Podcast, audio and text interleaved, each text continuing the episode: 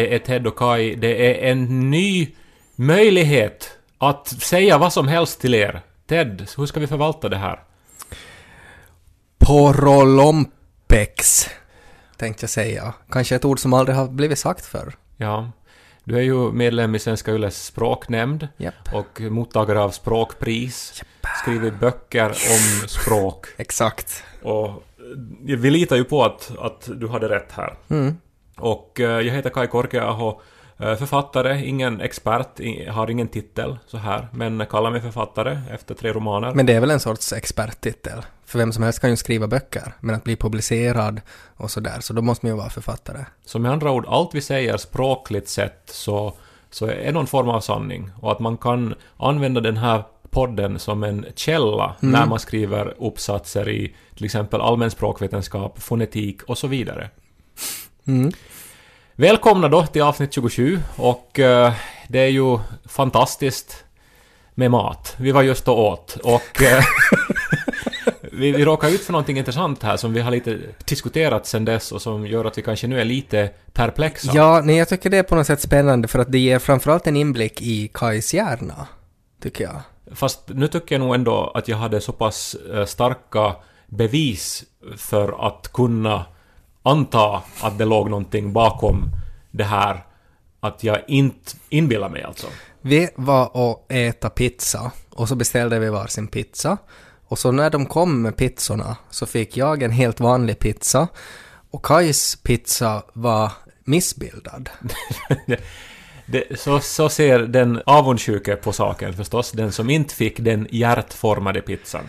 Min pizza var alltså helt uppenbart formad som ett hjärta med en spets längst ner och sen en sån här rundning, två stycken skinkor dit upp. Ja, och det är intressant för ur mitt perspektiv så var det ju en röv du fick.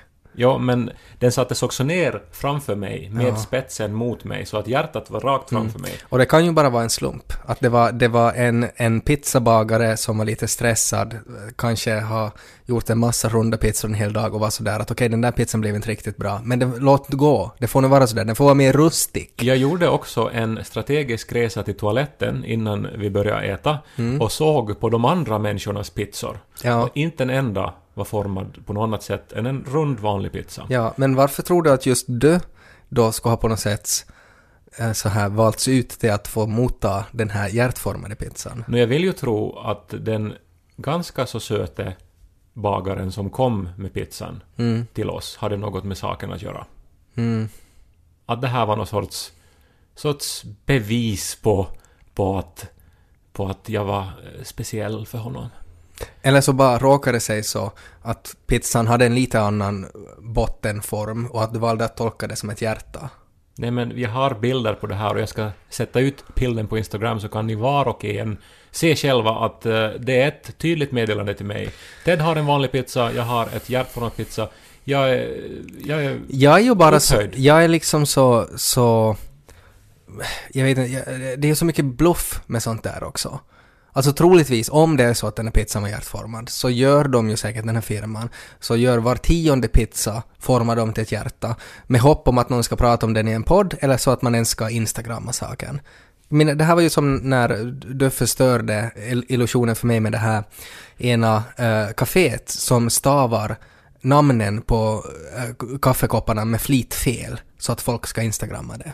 Ja, men det här är ju en allmänt uh, känd teori. Ja, men illusionen blev förstörd. Alla som har, har beställt en sån här dyr kaffe från den här kedjan, som också har etablerat sig i Finland, Mm. Ja. så får ju då sitt namn skrivet med tusch på muggen och det är nästan alltid felstavat. Och det liksom, jag förstår ju att om man heter Janosch så, så då är det någon som skriver det med SCH och någon Ja. Mm. skriver det med Z. Men om också liksom Erik Och så får man en kopp som det står Dracula på. Så är det ju någonting Ja. mystiskt. Och det är ju, och det är ju jättebra marknadsföring, det, för att det gör ju då att folk tycker si vad kul och tar en bild av det här och så har man gjort reklam för den här firman. Det är ju precis samma sak de har lyckats, den här pizzabagaren då. Men det är väl den här klassikern liksom att, att eh, alltså att eh, då när kyparen kommer med räkningen så har kyparen skrivit sitt telefonnummer på räkningen också. Det är sådana här vinkar som man kunde ge förr.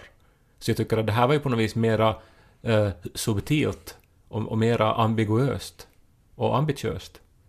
Mer ambitiöst än att skriva sitt telefonnummer. Nej men att göra själva maträtten till det här meddelandet. Ja, för mig så såg det ju bara ut som att du tuggade i dig långsamt en röv.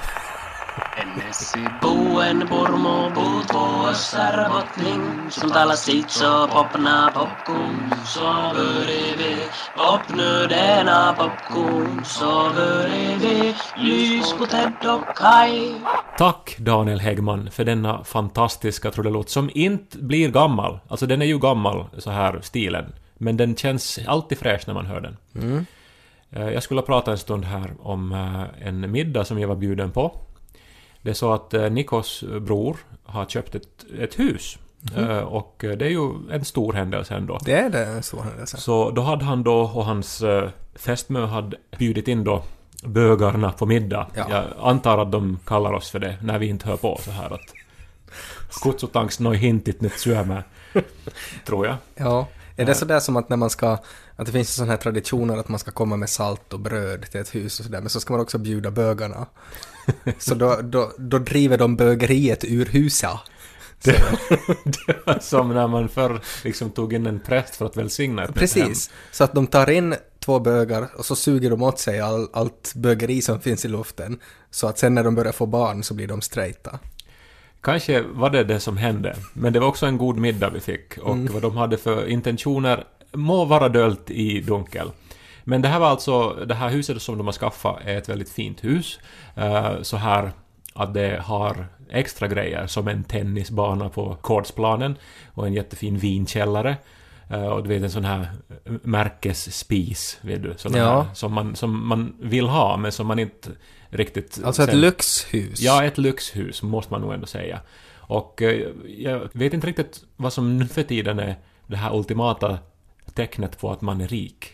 När jag var liten så, så var det en tjej i min klass som hade en pool hemma. Och det här var liksom att Det var nog på lyxigt. riktigt en pool där hem och man får när som helst få sim. Och så var det då och då hade hon liksom bjudit in eh, Aldrig jag tyvärr, måste jag ju säga. Men, Vad eh, hemskt. Ja, jag var inte en av de som blev bjudna.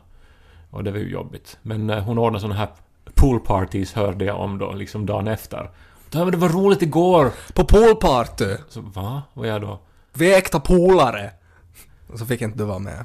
Vad hemskt. Men, men idag eventuellt, jag vet inte, har man pools längre eller börjar det höra till en sån här 80-talsdröm? Ehm, ja, nej, jag vet hmm, Det är väl, alltså, jag tänker på folk som reser jättemycket. Det är väl alltid ett tecken på att man är rik. Ja, här i Helsingfors är det nog att man har du, extra rum. Alltså att man Ja. har en stor lägenhet. Vi har en garderob. Ja, Walk-in closet. Mm. Men i alla fall. Till saken hör nu då att Nikos bror hade fått köpa det här huset riktigt anmärkningsvärt billigt. Eh, Det var alltså panken som sålde ut det för att den här förra ägaren så hade inte då betalat sitt lån. Eh, Förra ägaren var en man i 35-årsåldern som mitt i allt bara hade försvunnit. Försvunnit. Försvunnit. Och i huset så finns också kvar då alla den här ägarens saker. Men hur kan man bara försvinna? Han hade alltså lämnat sitt liv, ska vi säga. Okej. Och alltså, eh, alla hans saker var kvar. Alla möbler, alla grejer, alla kläder, alla papper, alla fotografier. Och alla... de fick det? Ja, allting hörde till det här köpet. Det låter ju, alltså, det, det, det är ju som en dröm det där att få rota i andra människors saker. Men veta inte att man får ta precis allt vad man vill ha. Ja, och sen blir det också att man vet du, arbetar som en detektiv ungefär och Ja. liksom tar reda på mer och mer om en människa. Mm. Vet du, allting från såna här små lappar och påminnelser på kylskåpet, allting var liksom kvar. Att man liksom såg att här har pågått ett liv och en vardag. eh, med den skillnaden då att almanackan och tidningarna som var kvar så visade då 2014. Mm. Alltså, så det var som på något vis som, som om någon sorts apokalyps har ägt rum. Vet du, som om vi var de som hade överlevt och liksom Mm. såg, eh, alltså, alltså hade återvänt nu då till samhället då efter Ja, men som i The Walking Dead. Precis. Apokalypso. Det här är ett Teds nya ord. Ja. Eh, den här dansen mellan tre och fyra på krogen som Gud borde avbryta, kanske. Apokalypso. Ja, Ja, om folk vet att, att Calypso är en dans. är det inte en dans? Jag vet inte. Anytime you need a calypso, så sjöng vår ungerske musiklärare. Varför gjorde han det? Och varför var han musiklärare i så fall? Men det här var... This is what you must do. Shake a little shaker. Något sånt här. Han, han hade ju också en illustration av en keyboard på sin Saab. Så att man skulle veta att han var intresserad av musik, kan man anta.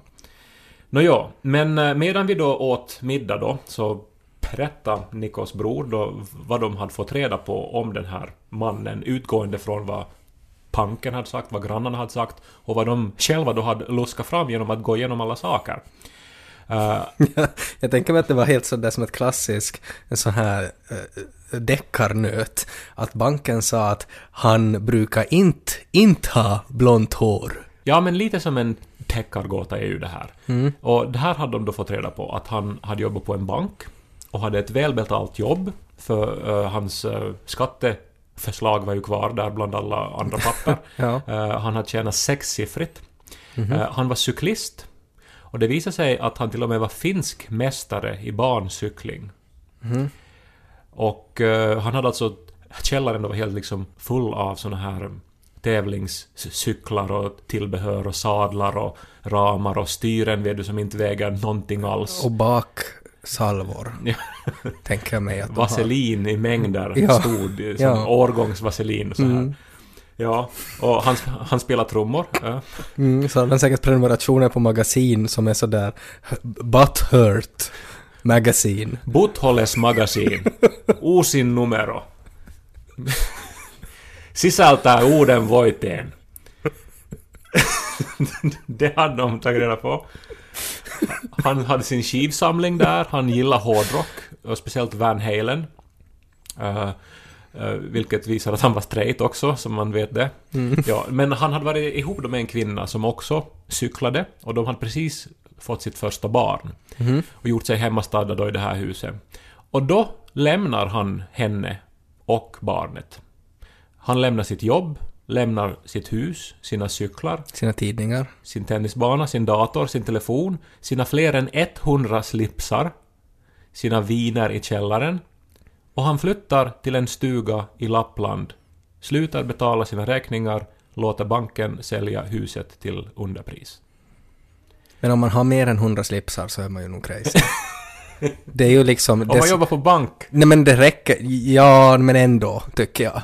Karl Haglund påstås ju ha liksom hundratals sådana här snusnäsdukar. Ja, men det är också lite konstigt. Eller inte snusnäsduk, utan sån här nä- som man har i sin bröstficka. Kanske det inte är snusnäsduk då.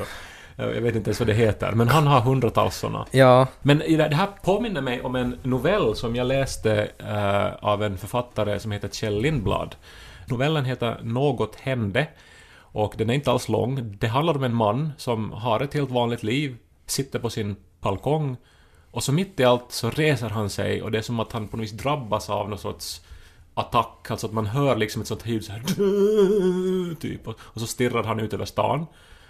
Och sen efter det så bara börjar han utplåna sitt liv. Att han säger upp sig och han blir ovänner med sina vänner, han gör slut med sin tjej och, och liksom lämnar sitt hem. Och så är jag så här att tänk om det skulle bli så där att man mitt i allt bara skulle som drabbas av någonting och bara börja avveckla sitt liv. det är ju många gånger så är det ju också kattskit som är orsaken. Alltså toxoplasmos, som ju sprids via kattskit. Alltså som, som är ju eh, virus eller bakterier, alltså som angriper hjärnan och som gör att man blir konstig. Med sådana som har jättemycket kattskit inomhus. Jag har ju haft katt och de Mm. sket ju gräsligt mycket och det Ja. luktar ju fruktansvärt. Ja, men att om han den där mannen då satt på balkongen och så var det något hände, det var liksom att katten bajsade då och så kom det toxoplasmos in i honom. Ja, nå, kanske var det det, kanske var det någonting annat, någon sorts livskris, någon sorts insikt han fick om sig själv. Jag tror nog det var sorts kattskit. utmattning, depression. Men jag var i alla fall jätterädd att om det här kan hända eh, bara så här tydligen då, så eh, kan det också hända mig. Mm. Ja, men vi gick nu då igenom de här sakerna eh, där efter att vi hade ätit. För det visade sig då att eh, jag och den här husets eh, förra ägare, vi var exakt lika stora. Så alla hans kläder var liksom som gjorda för mig. Mhm. Och jag fick då ta vad jag än ville ha. Så du har nu då en massa här riktigt äckligt tajta så här cykling-outfits. Det vill man ju kanske inte använda så här second hand. Nå, det fanns massor med såna där också, såna här Ja. landslagsdräkter och, och allt möjligt. Ja. Men att det iddes jag nu då kanske inte då ta, men att där fanns nu som en del saker som var såna här helt fina, bra skick-kläder liksom, Mm. som jag inte heller ville bara lämna för att Men fick du ta liksom? jag, jag fick ta det då, för att... Vad snällt. No, men jag var den enda som är så här stor, vet du. Mm. De, de, de är ganska... Men det passar också in på något sätt i det här när man ska föra bögan ur husa, att man ger gåvor åt tvenne bögar som kommer.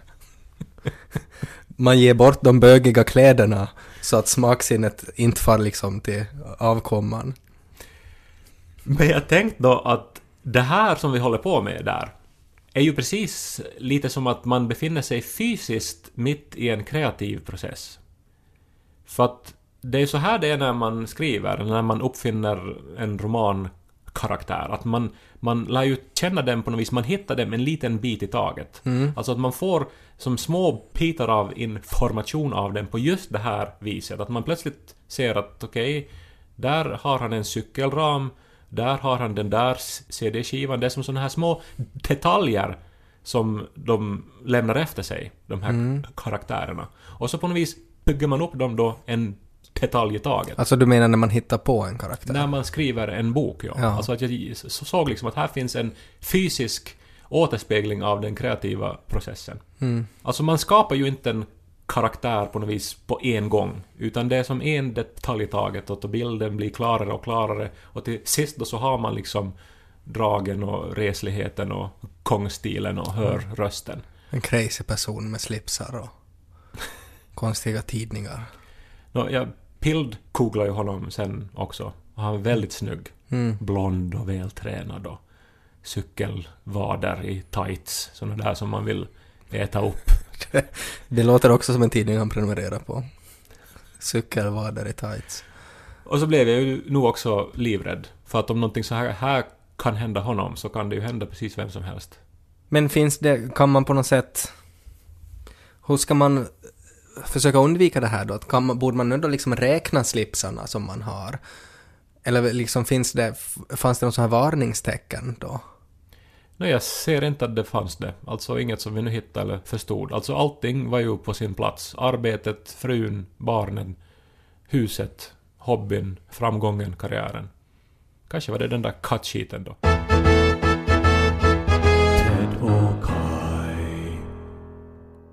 Sen gick vi på teater.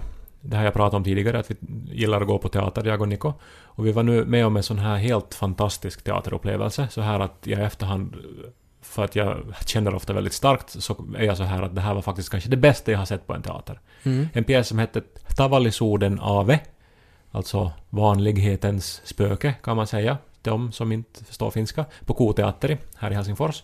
Och eh, det var en sån här upplevelse att man efteråt vill krama alla i publiken. Typ, för att man har upplevt någonting tillsammans som på något vis skapar en sån här samhörighet. Och man, du, man har blivit förd till samma tillstånd av känslighet och samma insikter. Mm. Det, här, det här är alltså Kais språk för att det var paus i föreställningen där det serverades alkohol. det, gjordes det också givetvis, men att eh, det, det här var... Nu har du väl säkert upplevt det här också, att man är till exempel och ser en film Mm. och sen så är det så starkt att efteråt så är det en speciell elektricitet som Jo, alltså det- binder ihop alla människor Ja, rummet. det blir en sorts... eh, Ja, alltså man blir till en grupp. Men inte att jag vill krama allihopa. Ja, men du skyr ju också mänsklig kontakt. Ja, jag väser när folk kommer nära. Mm, men den här Det är pjäsen... roligt att åka hiss med mig. Den här pjäsen så undersökte då den finska folksjälen kan man säga. Eh, Det här att man inte ska synas och sticka ut och, och märkas. Eh, Alltså behovet av att vara vanlig. Mm. Och sen också om hur den här strävan efter att vara vanlig egentligen leder till att man beter sig ofta ganska konstigt. Är du, när man dansar så vill man inte liksom sticka ut eller märkas. Och det gör att man dansar ganska, ganska fånigt och konstigt. Ja, men det där är ju som... Alltså att när man är lite berusad. Och så vill man inte att det ska komma fram hur berusad man är. Så att man försöker bete sig så nyktert som möjligt. Exakt, ja. Och då, då är det sådär att nu ska jag gå fram till baren och beställa mer dricka, men att jag ska gå på ett nyktert sätt dit. Och då, då är man ju jättekonstig. Det sägs ju också att, att om man ska spela full på, på en teaterscen eller någonstans, så ska man alltså spela en som försöker spela nykter. Ja, Så då blir man automatiskt... då ser den man här full ut. Äkta full-känslan. Ehm, ja, men alltså att man blir inte vanlig om man aktivt försöker vara vanlig. För att då blir vanligheten ansträngd. Och det var lite det här som den här pjäsen då undersökte. Att, Mm. att, att det är det, det som, som eh, utmärker en, en finsk människa. Liksom. Mm, men det, det skulle förklara det finska modet kanske också. Ja, men det, det, det undersökte de också där. Och för att alla var klädda i såna här väldigt beigea, grå, bruna färger. Mm. Som är ganska neutrala. Idag ska jag klä mig så vanligt det går. Men sen så började jag tänka på någonting som jag läste eh, i en psykologisk artikel. eh, att eh, man ofta utgår från att man själv är normen med allting som man upplever och tänker. Mm. Att, att jag är så här i mitten. Och eh, sen så placerar man då in alla andra människor med avvikande åsikter i relation till sig själv och så är det som att ja men han är nog jättekänslig eller han har nog inga känslor alls. Mm. Utgående då från en själv som man upplever att är normen. Mm. Och eh, det här gör ju då att eh, exempelvis om det är nu en läkare som har väldigt liksom hög smärttröskel. Så här att eh, en spruta till exempel inte känns någonstans. Mm. Så då kan det göra då att läkaren är väldigt okänslig när han ska ge en patient en spruta. Mm. Och sen så möter han en patient då som, som, som har en väldigt låg smärttröskel och så blir det då en, en eh, obehaglig upplevelse. Mm. Det där förklarar ju också väldigt många dåliga lärare. Som är lärare i ett ämne som de då behärskar väldigt bra så har de ingen förståelse att folk kan vara dåliga på det där ämnet. Ja, och jag menar det förklarar väl bra och dåliga älskare och det förklarar bra och dåliga eh, bra och dåliga skämt. Mm. Så här. Så att... Man är på olika nivåer när det gäller nästan allting. mm. Men så jag börjar tänka då, det här är ju intressant. Är det så att det inte faktiskt existerar någonting som är vanligt? Att vi bara alla har vår egen uppfattning och vår egen skala om vad som är vanligt. Mm. Så därför tänkte jag att jag skulle ge några exempel på saker som jag tycker att är vanligt. Som jag upplever att det här är det vanligaste. Och sen ska vi se hur du tycker. Ja, så ser vi att är det artificiellt eller inte. Ja, eller är det så vanligt som jag tror? Ja. Vi tar första exemplet. Efter att man har varit och handlat så är det väldigt vanligt att man läser igenom kvittorna och ser så att allting har blivit räknat och inget har blivit draget två gånger. Nej. Det är nog inte vanligt. Jättevanligt. Nej, alltså det är vanligt när det får över en viss gräns. Alltså att du har varit till butiken och handlat lite mat och så blev det 78 euro. Då kollar du. Och så märker du då, jaha, det var den, de här amerikanska chinoski-såssorterna som jag köpte fyra av. Det var de som drog upp priset. Och då först kollar man. Men inte bara sådär en vanlig matkasse. Det kollar man inte två gånger. Också när man väger frukt, om det blir över 3 euro, så måste man ö, väga igen för att se så att det inte är något fel på vågen. Men det står ju på klisterlappen att det är den här frukten. Jo, men om det har blivit liksom fel vikt. Nej, då är man bara snål. Det är vanligt, tycker jag. Att man är, är så. Ja, men jag, jag, tycker inte, jag tycker inte att det är vanligt. Okej, så vi har olika åsikter här. om Ja. Så, så, så vad är vanligt då när det handlar om, om eh, Jag tycker Kvitton. att min version tycker att man ignorerar nej, dem? nej, inte att man ignorerar, utan att när det far över, jag tror att man har en viss, en egen sån här smärtgräns där, far det över den här summan, så då måste det vara något fel, då måste det kollas upp. Det, det skulle jag tycka borde vara det vanligaste. Det är ju en kompromiss det, från att kolla varje gång eller att inte kolla alls. Så här har vi då en uppenbar diskrepans i vad vi tycker att är vanligt. Mm. Vad vi upplever att är vanligt. Exempel två. Att det under hela tiden man är vaken, alltså ungefär 16 timmar i dygnet, så snurrar det melodier med eller utan text i huvudet. Just Nej. nu till exempel är det den här titelmelodin från den här Snögubbsanimationen som de sände på julafton. Hur låter den då? Walking in the air. Da da da da da. Ja. Jag tror inte...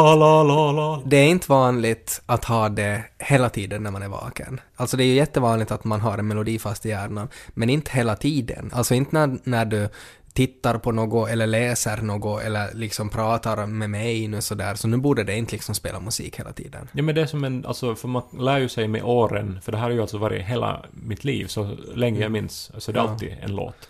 Är det alltid den olika, snö? nej det är olika från dag till dag. Okej. Eh, men, Vet du på något sätt vad det är för dag? Att när du öppnar ögonen på morgonen så här ding! Och så börjar du höra erotic. Så vet du att jaha, nu är det den här dagen då. nu är det Friday night, Mm. Det här, nej. Men att, eh, så för mig så är det här jättevanligt, men du menar att det, det är Nej, inte, inte att det är... Inte, jo, alltså, det är vanligt att ha en öronmask som man hör då och då, men det är inte vanligt att det konstant är, tycker jag i alla fall. Mm. Men jag är ju inte så musikalisk, så det kan ju ha någonting med det att göra också. Maila gärna till tedochkai.yle.fi vad ni tycker om de här vanliga sakerna. Är Ja. det vanligt eller ovanligt? Exempel tre, och det här är fysiskt, vilket gör att jag tror att eh, det här är faktiskt riktigt vanligt. Mm. Att man, när man äter glass, Jag trodde att, att det var redan så här att du skulle börja fråga om några centimetrar eller någonting. Men okej. Är det vanligt? Nu är det någonting fysiskt. det där skulle man säkert också kunna stipulera någonting vanligt kring också, men när man äter glass så börjar det verka bakom högra ögat. Och den här verken kan vara så svår att man måste grimasera och böja på nacken och, och, och liksom Mm. blunda. Det är ju brain freeze, heter ju det där. Men det vet du ju nog. Att det heter. Alltså, så det är ett vanligt syndrom. Brain freeze är väldigt vanligt, ja. Det kommer ju oftast när man dricker någonting för snabbt som är kallt. Är det bakom högra ögat? Nej men det känns ju i hjärnan. Alltså ja, det- är väl olika om det är höger eller vänster, men att det känns som att det gör ont i hjärnan. För att du dricker din smoothie för girigt och för snabbt. Och då får du brain freeze. Har du aldrig hört om brain freeze? Nej, jag har inte hört om begreppet brain freeze. Nå, det är ovanligt. men, det, men jag är ändå glad för att det här visar ju nu då att det här är någonting vanligt. ja, ändå, va? inte varje gång man äter glass. Men jag tycker att man borde utveckla någon sorts skala här. Du vet ju, det finns ju skalor för allt möjligt och det borde finnas en också för vanlighet. Mm. Det, jag började ju tänka på när jag senast läste om skalor att det finns någonting som heter Schmidt Sting Index. Eh, som är alltså då hur den här Schmidt, hur, hur mycket han lyssnar på Sting. Nej, det är det inte. Utan det är alltså, han har rest runt hela världen och så har han låtit sig bli stucken av olika insekter. Och så har han gjort en skala på hur ont det gör. Men han har ju fel i huvudet. Jo, det har han. Eller så var det en sån här, han ansökte från Kulturfonden och var sådär att hoppas att, att jag inte får det här. Så fick han det och så måste han göra det.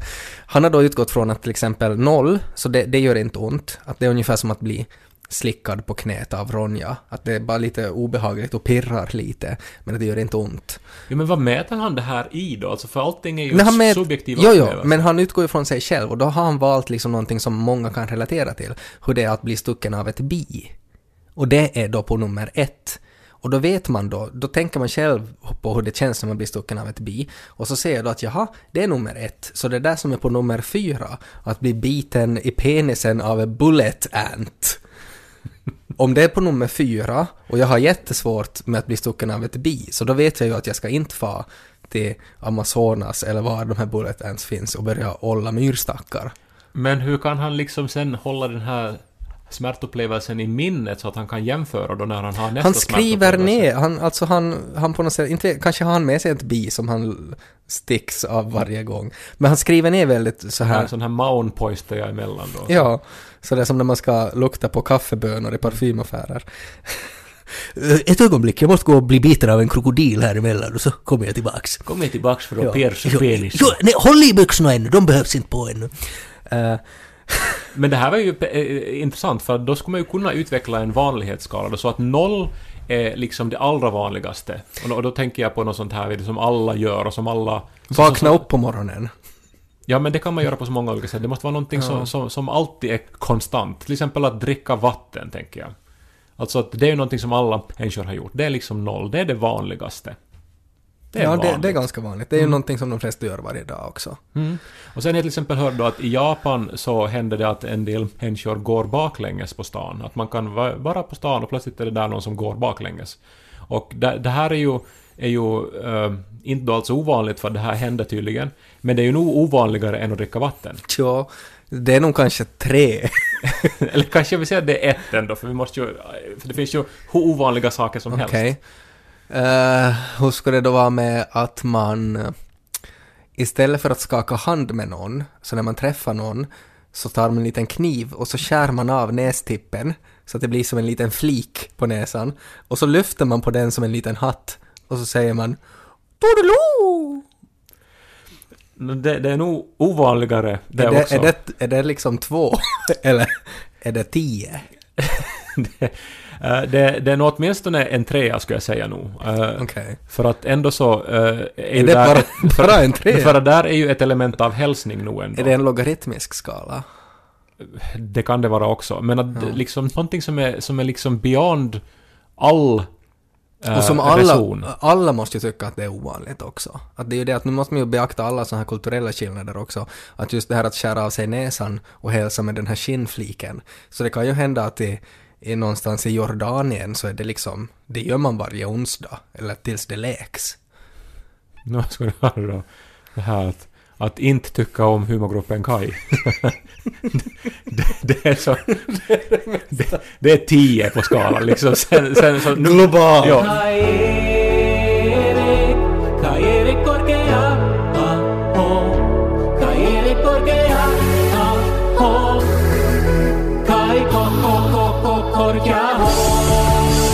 Alltså min e-mail slutade funka för några dagar sedan. Och det var ju otroligt hur han- handikappad jag kände mig när jag inte kunde kommunicera med arbetsgivare, med olika människor som jag hade, hade pågående diskussioner med. Mm. Arv från Afrika, vinster, allt viktigt. Ja, och såna här ryska kvinnor som skriver Mm. till mig och, och älskar mig. Mm. Som jag har då skrivit med länge och, Ja. och nu vet jag inte om de älskar mig längre. Nej. Men eh, så då tänkte jag mycket på e-mail och på hur beroende man har blivit på, av det. Mm. Så minns jag också den första mailadress som jag hade, som du skapade åt mig i högstadiet. Mhm. Det var en hotmailadress. Och eh, vi gjorde den, minns jag, hemma eh, i ditt pojkrum på vinden i Purmo. Ja. Och jag var väldigt skeptisk att jag skulle någonsin behöva det här. Jag, jag tror att jag var tvungen att övertala dig om att det är nog en bra idé att ha e-mail. Ja, jag minns inte vad det var längre.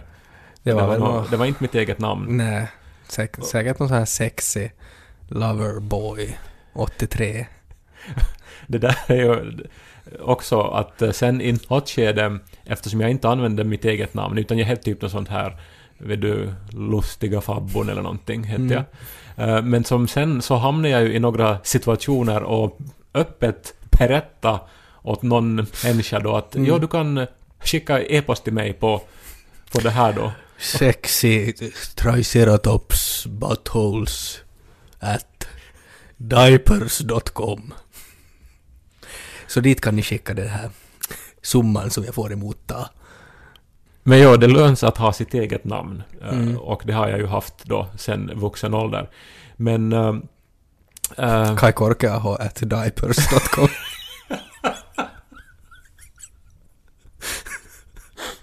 Det är bättre.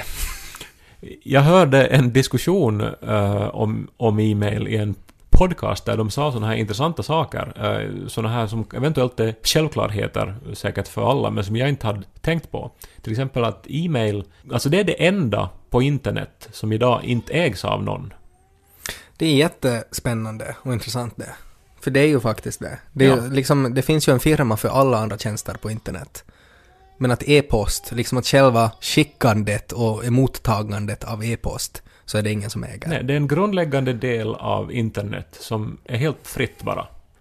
Och eh, jag menar, alltså man önskar ju ibland att det skulle finnas vet du, en chef för e-mail som man kan ringa till när det inte funkar eller Mm. när man får en massa spam. Var jobbar du då? Ö, e-post.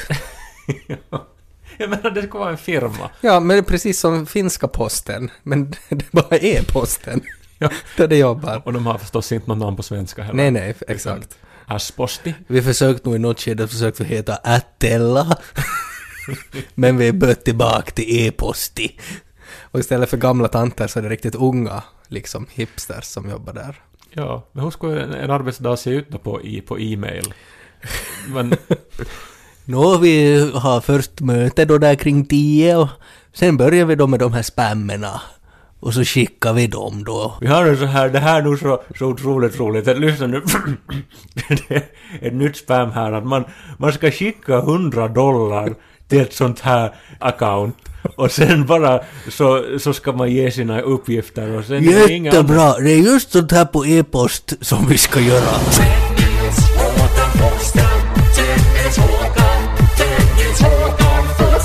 Jag tycker att det är jätteroligt att eh, sen vi publicerade en bild när jag och Nico håller i Lo så har jag fått höra att eh, en av dina släktingar eh, var så imponerad av de här två prästerna Ja, som men, var med på dopet. ja, men ni kan gå på Instagram och så kan ni, på Kajs Instagram och så kan ni se på den där bilden och det ser ju faktiskt ut som att, att ni ser ju lite sådär kristet utseende, lite sådär präst. Jo, men du har väl sagt till alla dina släktingar att det här var en namngivningsfest och att Lo inte hör till kyrkan? Jo, men det, det är väl inte så viktigt när man är över en viss ålder.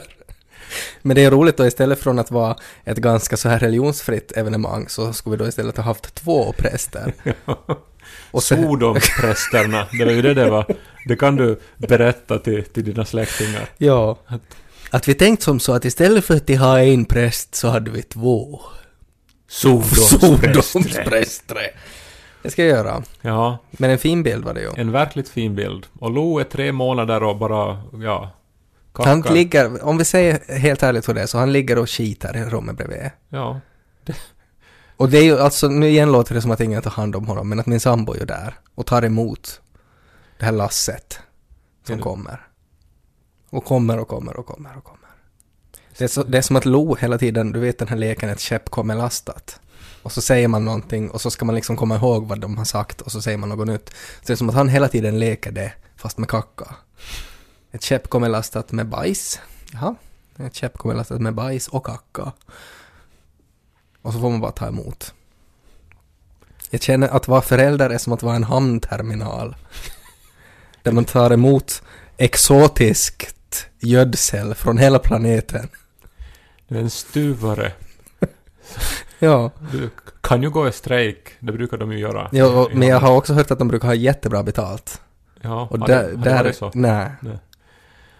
Oj, oj, oj. Men eh, tack hörni för att ni har lyssnat idag. Eh, det här har varit avsnitt 27 av Ted och Kai-podden, som ju är en svenska YLE-podcast. Mm. Och eh, vi är glada att ni lyssnar. Vi hoppas att ni fortsätter lyssna och sprider budskapet till era vänner. Den här podden hittar man ju förutom på Yles Arena, på iTunes och Soundcloud och man kan lyssna precis var som helst. Så- Och höra av sig till oss Jag skulle just säga det, att det är bara att skicka e-post. På den här enda fria kommunikationsvägen som vi har i världen, e-posten. Kan ni höra av er till oss om ni har kommentarer eller frågor eller eh, ja, bara annars känner för att höra av er. Vi läser alla mejl, vi svarar på allt. Jag vet att det har kanske har varit några mejl som inte har fått svar, eh, men vi jobbar på att, på att dessa också ska besvaras. Diplomatiskt sagt. Och det har varit mycket kacka för dig och mycket, mycket eh, resande för mig här. Eh, Jag kan väl bara avsluta med det enda som jag har i huvudet kvar att säga. La la la la la La la la la la la la La la la la la Så det är ju världens sorgligaste Det är grej jättesorgligt och jag börjar just inse att det är jättemånga som begår självmord på julafton. Man borde ju se någon statistik att är det liksom strax efter att den här tecknade animationen har varit. Jag tror med 100% säkerhet att det är exakt en halv minut efter att snögubben har smoltit. Så då, Vad hemskt. då är det slut.